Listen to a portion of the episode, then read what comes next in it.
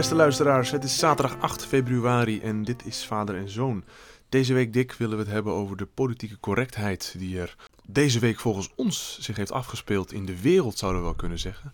eerst even kijkend naar Amerika. Trump, Pelosi, ik denk dat veel mensen dat wel hebben gezien. Het verscheuren van, het, van de State of the Union van Trump. En het niet Eh, handje geven door En Trump. het, en het Ook. niet handje geven door Trump, inderdaad. Wat hij niet zag, denk ik. Dan even iets dichter bij huis. Iets dichter bij huis. Duitsland, deelstaat Turingen. Turingen, ja. Waar het ook goed misging. En wat de landelijke politiek in Duitsland ook heeft bepaald. En dan nog iets dichter bij huis kwamen we met eh Thierry Baudet en zijn tweet over een paar vriendinnen die in de trein zouden zijn lastiggevallen door een aantal Marokkaanse jongens, wat achteraf gezien niet waar bleek te zijn. Genoeg om over te praten en politiek correctheid weer eens even op de agenda te zetten, Dick. Laten we beginnen met, ik denk dat jij het het meest interessant vindt, Duitsland. Dus laten we beginnen met eh, Turingen. Wat is daar gebeurd? Vertel even kort wat er is gebeurd en, en waarom het volgens jou eenzijdig is. Ehm, even, even naar aanleiding van je inleiding. eh, er is niks tegen politiek correct gedrag. Daar kan eigenlijk niks op tegen zijn. Nou, wij bedoelen eenzijdigheid, denk Ja. ik. Ja, Waar het de laatste jaren aan schort, naar mijn idee, is ehm, een, een relatief vergaande eenzijdigheid in berichtgeving over allerlei maatschappelijke problemen. Maar dat je je correct dient op te stellen en dat je in feite menswaardig dient te denken, ik denk dat we het daarover eens Nou, daar is de- zijn. Daar, gaat daar het is de luisteraar ook over eens. Ja, Turingen. we zijn allemaal tegen oorlog en, en tegen regen eh, en morgenmiddag tegen de storm eh, die Ajax en eh, Feyenoord aan de kant houden. Daar zijn we allemaal op tegen. Ja, nee goed, jij hebt net even aangehaald het gedoe tijdens de State of the Union. Wat ik van beide zijden zeer onfatsoenlijk vind. Maar waarbij redelijk bekend is en redelijk wordt aangenomen en terecht wordt verondersteld dat Trump onfatsoenlijk is. Dat denk ik ook. Ja. Maar dat dan nu Pelosi eigenlijk in het kielzog van Trump zich laat meetrekken tot hetzelfde onbetamelijke niveau. Eh, ja, dat is, dan, dat is dan de afgelopen dagen weer wat minder, eh, minder benadrukt. Hè. Het is toch, Trump is, de, is evil. Eh, en iedereen die tegen Trump is, eh, ja, die is dan altijd per definitie minder slecht. Eh, en die doen ook dingen die altijd weer beter zijn dan Trump. Dat begrijp ik eerlijk gezegd niet. Prachtig voorbeeld gisteravond toch. Nou ja, we hoeven De voorbeelden. De wereld draait door. Ja. Dominee Gremdaad, ook, ook altijd niks zeggende, gemakzuchtige praatjes onder de noemer humor. Prima. Eh, lang leven de vrijheid van meningsuiting. Maar er moet Maar, hier worden eh, gezegd, wacht even, er moet hier worden gezegd, ook bij de Wereld Draait Door. En Matthijs zegt dan ook niks en dat vind ik jammer. Er moet worden gezegd, Trump inderdaad, schofterig, slecht af en toe. Maar jongens, wat hier Pelosi doet, dat kan absoluut niet. in mijn geval, Ja, in dit geval Trump. Trump weer. Ik was er En en dat durven- enigszins door verbaasd. Ik ben niet zo thuis in de Amerikaanse En verhalen. dat durven we niet te zeggen. Dat wordt nee, niet gezegd. Nee, nee, nee. nee. Dit is- er staat daar wat dat betreft een ban op. eh, een ban, er is een soort banvloek eh, in Nederland in de westerse media om iets over, eh, of niet positief, maar iets over de eh, opponenten van, iets slechts of over de opponenten van Trump zeggen. Dat doen we over het algemeen. Dat doen we, dat doet men over het algemeen Nee, niet. eh. alle, alles om Trump aan de kant te is krijgen. Het, is het inderdaad weer eenzijdig. Een tweede punt wat me deze week ook meer bezig hield. Dat is het gedoe in de Duitse deelstaat Turingen. Duitsland is een boenderstaat met allerlei deelstaten die relatief veel zeggenschap hebben. Meer dan de Nederlandse Beetje- provincies. Beetje federale staat? Ja, ja goed, ze, hebben, ze hebben meer te zeggen over hun eigen beleid dan de Nederlandse provincies Ja, bijvoorbeeld. oké, Eh, duidelijk. Goed, er moest daar een nieuwe minister-president. Die hebben allemaal een eigen parlement. Een nieuwe minister-president worden gekozen. Eh, dat gaat fout. Die linker, dat is, nou ja, ik zou het toch wel extreem links willen noemen, is de grootste partij in Turingen. De tweede partij is, als ik, eh, ja, is de AFD. Dat is vorig jaar oktober zijn er verkiezingen geweest. AFD staat voor? Eh, Alternatieven voor Duitsland. Eh, dat is een soort PVV, gemakshalve. Er zitten wat verschillen in, maar laten we het gemakshalve zo noemen. Nu is er een houding in Duitsland die aangeeft dat de grote partijen, of de gevestigde partijen, SPD, CDU, FDP, zich, eh, zich niet inlaten met de AFD. D- dat zijn, laten we zeggen, even een beetje... De P van de A, eh, VVD. CDA, VVD Ja, nu weg. Eh, Oké. die laten zich niet in. Dat is, dat is, dat is een soort, eh, soort ongeschreven regel in Duitsland. Daar hebben ze wel over gesproken. Eh, en die wordt tot nu toe ook behoorlijk gehandhaafd. Nu heeft afgelopen week, eh, woensdag, heeft zich in het parlement van Turingen een FDP'er, een liberaal, eh, zich tot minister-president van de deelstaat laten kiezen met behulp van de AFD. Alternatieven voor Duitsland. Stemmen van de AFD die gingen naar de FDP. En dat is ook bewust gedaan door de AFD om twee, twee spalt te zaaien in het uh, burgerlijke kamp in dit geval. Nou, storm van protest, uh, met name in Duitsland. Duitsland heeft drie dagen denk ik echt op zijn kop gestaan. Je kon de tv niet aanzetten of speciale uitzendingen. En even had je die, het idee van is het 30 januari 33, 30 januari 33, uh, de, de, benoeming tot kanselier van Adolf Hitler in Duitsland. Ja. En inderdaad de cultuur- en civilisatiebreuk. Het aardige is nu dat, uh, dat de AFD ligt sowieso onder vuur. En in geval van Turingen is dat wat mij betreft ook nog terecht. Want er zitten hele rare jongens in die uh, AFD met hele rare en verwerpelijke opvattingen. Uh, waarvan ik ook denk, daar zou je beter niet mee moeten samenwerken. Maar wat ik mij bedacht, de Duitse politiek volgend, uh, dit soort gedachten, soortgelijke gedachten, kom je ook tegen bij die linken. Dat is extreem links. Die linke is een voortzetting deels van de SED, Socialistische Einheitspartij Duitsland, de machthebber in de DDR. En de SED is weer de opvolger van de Communistische Partij Duitsland. KPD in het interbellum, een grote politieke stroming in Duitsland. Die ook veel gedaan heeft om de democratie in de Weimar-republiek, 1919-1933 voor de luister, jonge luisteraars. Eh, voordat Hitler aan de macht komt, was het een relatieve democratie Duitsland. De KPD heeft veel gedaan om de democratie in Duitsland om zeep te helpen. Ja, oké, maar dat is en even, even gemakshalve, waar je het dan van de week veel over hoorde, is dat in Turingen voor 33 inderdaad de eerste staat was waar een NSDAP'er, dat was Friek, meen ik, op justitie, uh, in de deelstaatregering kwam. Dus voor 33. Maar wat ik dan niet verneem is dat in 23 de KPD in Turingen uh, in de deelstaatregering heeft gezeten.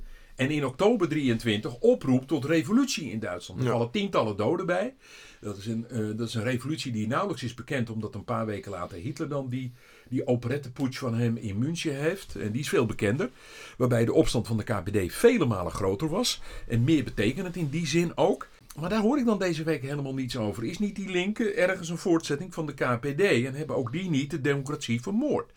En dan kun je zeggen, ja, maar hè, historische parallellen moet je niet zo eenvoudig trekken. Dat wordt dan wel gezegd bij die link en de ja. KPD.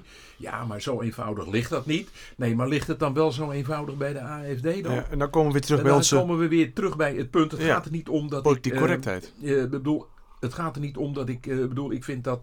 Ik ben toch voor vrijheid van meningsuiting hier. Ook voor blasfemie en dergelijke. Ik ben hier de mening dat je, dat je zou mogen denken... dat je journalisten voor de buis moet halen... Uh, die het beeld dan is wat in dit geval iets genuanceerder kunnen schetsen. En kunnen doen laten begrijpen dat de CDU, dat is de grootste partij in Duitsland, dat, dat zijn de Christendemocraten. Um, die hebben een ban uitgesproken om samen te werken met de AFD of zich te laten gedogen door de AFD. Dat gaat dus verder. En datzelfde, diezelfde ban hebben ze ook uitgesproken ten opzichte van die link. CDU als enige eigenlijk. Die hebben gezegd, wij werken ook niet met die linken. Niet met extreem links en niet met extreem rechts. dit is op zich best een aardig uh, punt om daar eens over na te denken en eens over te discussiëren, dames en heren, van wat gaan we nou doen op het moment dat deze stromingen zo sterk zijn, dat zijn ze in Turingen, beide, uh, dat er eigenlijk nauwelijks meer een regering te vormen valt. En dat, dat is nou een historische parallel ja. die inderdaad teruggrijpt op 1932, als er in de Rijksdag inderdaad een negatieve meerderheid is van KPD en NSDAP. Die hebben meer dan 50% van de zetels in de Rijksdag. En er is dus geen regering te vormen op basis van een Rijksdagmeerderheid. Dat ja. is in 1932 het probleem. Wat nu als er in Duitsland ook de komende jaren een dergelijk probleem zich gaat voordoen? Dat AFD en ook die linken, met name bij die linken denk ik toch niet dat ze uh, Bundeswijd zo groot gaan worden. Maar even los daarvan, het, het gaat hier ook deels om een gedachte-experiment. En om de vraag van wat is dan correct in deze? Kunnen we, kunnen we iets volgen? Kunnen we uh, navolgen van datgene wat er gebeurt? En let op, navolgen betekent niet rechtvaardig. Hè? Dat zijn twee essentieel ja. verschillende dingen. Dat je iets probeert te snappen is niet hetzelfde als iets rechtvaardigen. Ook dat moet scherp benadrukt blijven. Oké, okay, dan gaan we nog, nog even een stukje dichter bij huis. Dan hebben we het, hebben het politieke gedoe in Duitsland hebben we ook behandeld. Het tweede punt was dat. Nou ja, en dan gaan we even, nou ja, het, het is inderdaad niet in die zes minuten even te doen. Maar nee. laten we even zeggen dat we ook even gaan kijken naar, uh, naar Baudet. Die, uh, die gooit er een tweet uit over twee vriendinnen die zouden zijn lastiggevallen in de, in de trein. Dat hebben denk ik de meeste mensen wel, wel meegekregen. Hetgeen wat, wat daaraan opvalt, voor de duidelijkheid, wat Baudet doet is fout. En ik vind ook dat hij meer zijn excuus moet aanbieden. Hetgene wat hij nu doet, is er toch een heel klein beetje omheen draaien, vind ik. Mag ik Eh, even? Ja, eh, ja? Eh, ik ben de mening dat politici eigenlijk zich van deze populaire media Ja. Of ver weg moeten blijven. social media. het gedoe, social media. Ja. Dat ze daarvan weg moeten blijven. Als hij, zich, als hij jezelf serieus neemt, daar blijf ik bij. Dan zit je daar niet op. Als Nee. je wat serieus te melden hebt, dan denk je daarover na. Eh, en schrijf je een stuk in de krant. eh, zoek je de aandacht via de media of wat dan ook. Maar doe dit soort, ja, ik vind het wat primitief, dat, ge, dat wordt- getweet en dergelijke. Doe dat niet. Gewoon, doe dat niet. Het lijkt ook wat impulsief te zijn. Hè? Want je, je hebt natuurlijk binnen drie seconden staat, Ja. staat het online. Dus als je er even over Maar- nadenkt. Iemand die bij ons in de Tweede Kamer zit, daar verwacht ik, van alle kanten verwacht ik daar wat meer, dat denk ik echt wat meer verantwoordelijkheidsbesef van. En dat Thierry Baudet eh, en Forum eh, zich naar mijn idee terecht kwaad maken eh, over datgene wat er de laatste 30, 40 jaar in Nederland gebeurt. En dat een aantal partijen, ook dit dus onder de noemer politiek correct, dat liever niet vermelden. Of daar, daarover zwijgen van wat er aan de hand is. Eh, of op voorhand iedereen al racistisch noemen en dergelijke. Deze week in de kranten ook weer een aantal columnisten. Die, eh, die ook weer Thierry Baudet een racist eh, noemen. Waarvan ik denk dat dat niet klopt. En Nee. ik denk ook niet dat dat correct is. En dat wordt dan nu wel gedaan. Als je cultuurverschillen aanhaalt. Want daar hangen veel problemen in Nederland mee samen. Ehm, als je cultuurverschillen aanhaalt, dat je dan een racist bent. Ook dat wordt geopperd. Ook dat is populaire politieke correctheid. eh, domme eenzijdigheid zou ik dat willen noemen. Maar wat Thierry Baudet... Ja, dat moet hij niet doen. Ik snap dit. Nee, ik daar snap zijn we het over eens. Daar zijn onze er luisteraars- van. Nee, onze luisteraar is het daar ook eh, mee eens, denk ik. Alleen hetgene wat mij opvalt, als, als ik de krant opensla deze week, er is geen dag voorbij gegaan. Zelfs het 8 uur journaal heeft het erover. Over de, de tweet van Thierry Baudet. Dat vind ik wel iets, iets wat sneu. Dat je het meldt, uiteraard. Dat snap ik inderdaad. Maar het gaat er dus de hele week gaat het over de tweet van Thierry Baudet. En dan wordt er gezegd, deze man polariseert. Ik denk juist doordat we met z'n allen hier weer bovenop springen, dat mensen inderdaad een kamp kiezen. Ik ben of voor eh, Baudet of ik ben tegen Baudet, tegen, al die, eh, tegen alle dingen die hij zegt. Juist daardoor dat we hier met z'n allen zo massaal aandacht aan geven, dat polariseert. Nou niet ja, niet dat- Baudet zelf aan zich. dat hangt in die zin een klein beetje toch met, met Duitsland samen, eh, AFD. Nederland is zo, niet, niet alleen Nederland, maar eh, West-Europa is zo ongelooflijk bang om bepaalde problemen te benoemen. Vanuit de optiek eh, dat we dan terugvallen in de barbaarse jaren 1933, 1945, wellicht ook deels van de Weimarrepubliek erbij. Dat we zo angstig zijn, terugkijkend in de geschiedenis, van oh jee, oh jee, oh jee, als ik iets zeg over een bepaalde groep of groepering of wat dan ook, dan is het meteen 1933 en dan gaat het meteen helemaal fout. Dat, dat is iets wat je nog altijd in Nederland heel sterk, niet alleen in Nederland, maar ook in Duitsland deze week dan heel sterk bespeurt. Enige wat meer nuchtere analyse van het geheel blijft wat mij betreft, of wat mij betreft, de- ja dat mis ik ja. Het is, het is doorlopend, maar eh, dat is het polariseren. Dat is het polariseren. En ik wil toch even zeggen dat ik me, althans ik probeer me tussen beide stromingen in te plaatsen. In die zin niet te polariseren. Enerzijds de problemen te benoemen en tegelijkertijd weg te blijven van zaken als racisme eh, of het generaliseren of wat dan ook. eh, wat, daar kunnen we het over eens zijn, dat deugt gewoon verder niet. Eh, maar het is daarnaast onverlet, en dat is, hetgene, of dat is het gelijk wat Thierry Baudet zichzelf over terugbuigt, denk ik. Dat hij denkt van ja, eh, het waren dan. eh, ik zat er dan vorige week vrijdag dan weliswaar een beetje naast. Maar ik zit 90 keer, 90 van de 100 heb ik gelijk, of wat dan ook. En in 10, eh 10 van de 100 zit ik mis. Ach, die 10 laat ik dan maar even zitten bij de, eh, bij, bij de 90 opmerkingen. Waar ik het wel, eh, waarin ik wel gelijk heb. Ik ben de mening dat dat niet correct is. Dat je moet streven naar, eh, je moet streven naar waarheid. Er zit een soort waarheidsconcept in ons hoofd, dat denk ik ook. En we moeten proberen eh, dingen zo nauwkeurig mogelijk te verwoorden. eh, vanuit de optiek om oplossingen te vinden. Niet vanuit de optiek om hele begroepen weg te zetten. Dat is allemaal onzin. Thierry Baudet die heeft dit ook. En die valt een beetje grijnzend weg. Terug achter het idee van ach, ik heb vaak gelijk. En dat willen mijn opponenten niet zien. Eh, nu zit ik er dan wellicht een keer naast. Nou ja, zo so be it. Wat dan ook. Eh, ja, ik vind dit niet correct en dat moet je niet doen. Ehm, en het biedt ook niet veel vertrouwen. Daar gaat het ook nog een keer om. eh, Kijkende naar de toekomst. Het biedt ook niet veel vertrouwen wat dat betreft. Want dit behoor je niet te doen. Nee. Dit behoor je niet te doen als politicus. eh. Mee eens, mee eens. Het is natuurlijk vervelend om te moeten toegeven dat je iets fout hebt nou, gedaan. nee, dat vind ik vervelend. Dat, dat denk ik. Vinden veel mensen vinden dat moeilijk. Ja, maar dat denk ik wel. Dan moeten Ja. ze wat meer, over, wat meer gaan nadenken over filosofie. En dat zou een onderdeel van eh, burgerschapsvorming in Nederland moeten zijn. Dat de mens tekort schiet. Ik zal het En voorstellen. dus in de- regelmatig, eh, regelmatig gewoon allemaal gewoon naast zitten. Dat is onvermijdelijk dat we ernaast zitten. Eh, het is niet goed om dat te willen wegstoppen. Dat is juist dom om dat te willen wegstoppen. Het is een kwestie van openheid en een kwestie van wijsheid om te beseffen van mijn mening, mijn mening, ik denk A, en dat kon wel eens verkeerd zijn. Dat kon wel eens fout zijn. Daar moet je gewoon rekening mee houden. Ik zal het voorstellen in de Haagse Schilderwijk dat ze daar wat meer eh, aan filosofie Ja, gaan nee doen dat, en is, burgerschap. nee, dat is het punt. Dat gaat natuurlijk niet gebeuren, Het zou in. Nederland op het, eh, op het schoolprogramma moeten eh, staan, maar dan op een andere manier zoals we dat tegenwoordig brengen. Dat betekent niet dus ehm, een beetje vlakke theorieën over, eh, over tolerantie van anything goes en iedereen heeft maar gelijk. Nee, dat betekent het idee, het, het idee als je het, ja, in dit geval toch het westerse concept van het menselijk tekort centraal wil stellen, en dat zou ik willen zeggen, dan betekent dat dat je dus bepaalde waarden eh, en ideeën eh, in de opvoeding eh, en in het onderwijs centraal gaat stellen. En dat is onder andere niet dat wij maar een, een, een allesverterende tolerantie kennen, een anything goes tolerantie. Dat is niet het geval. Die kennen wij niet. We kennen de vrijheid van meningsuiten, we kennen de vrijheid van vereniging en noem alles maar op. En dat is een groot goed. Maar de vrijheid die we niet kennen is een ander met de dood Nee, bedreigen. Dick, we begonnen over politieke correctheid. En dan wil ik er nog eentje in plaatsen. Een vierde eigenlijk, die we deze week ook tegenkwamen.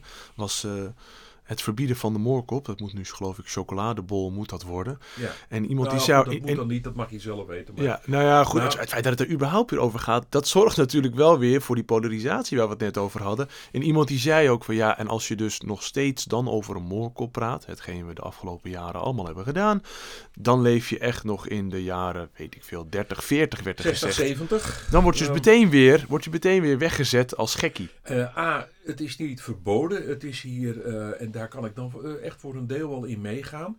Eh, het aardige is natuurlijk dat ik me deze week iets meer aangesproken voelde, om, omdat ik banketbakker eh, ben. Nou ja, goed, het is het, is het enige. Wat ik heb je de laatste kan. jaren geen taart zien maken. Dat, dat komt omdat ik het niet interessant vind. Maar daarnaast, ik kan niks anders dan dat. Dus het is het enige wat ik geleerd heb. En een eerste versie van mijn autobiootje, een boekje over de ontwikkeling van mijn eigen denken. Eh, heb ik ook getiteld eh, Het geheim van de moorkop. En dat heeft er dan mee te maken dat toen ik eh, eind jaren 60, begin jaren 70 begon te werken, het idee kreeg dat er iets niet klopte. Hè? Dat mijn baas veel meer geld verdiende dan ik dat verdiende. Dat ik het idee had dat klopt niet.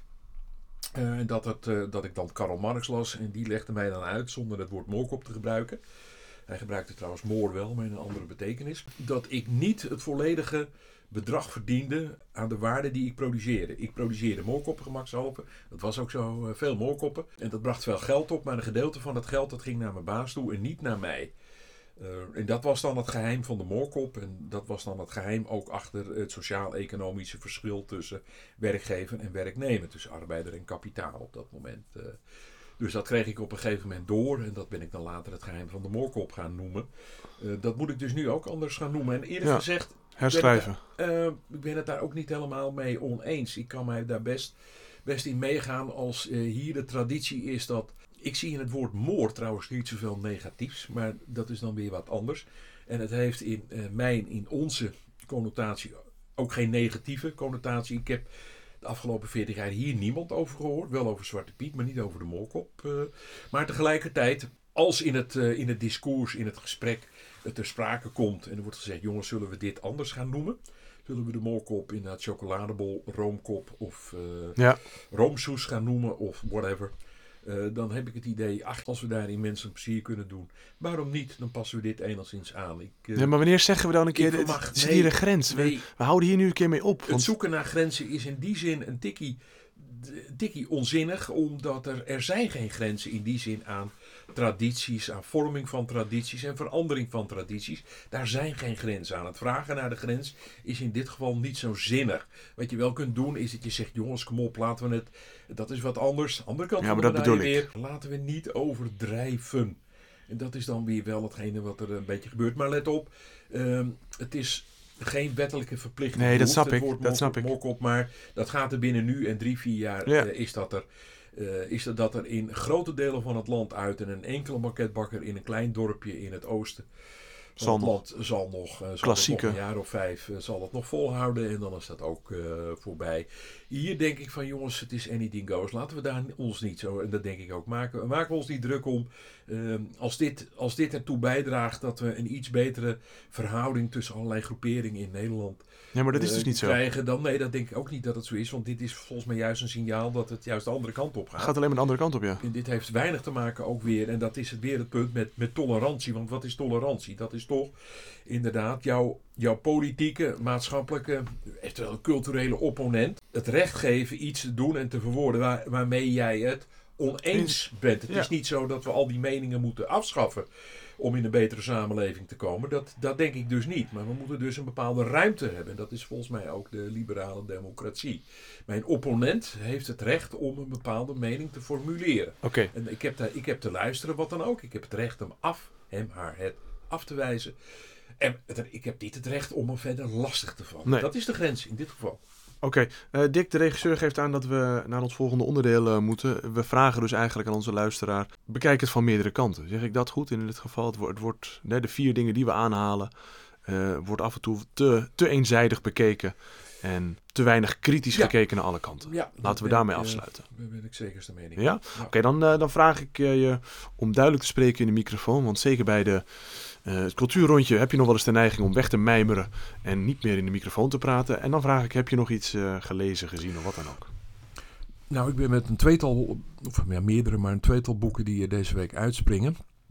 Dat is de eerste biografie van eh, Marcel Reich-Ranicki, Ranitsky, een Duitse eh, inmiddels overleden, heeft zijn memoires al lang geleden geschreven, maar daar ben ik deze week opnieuw in begonnen.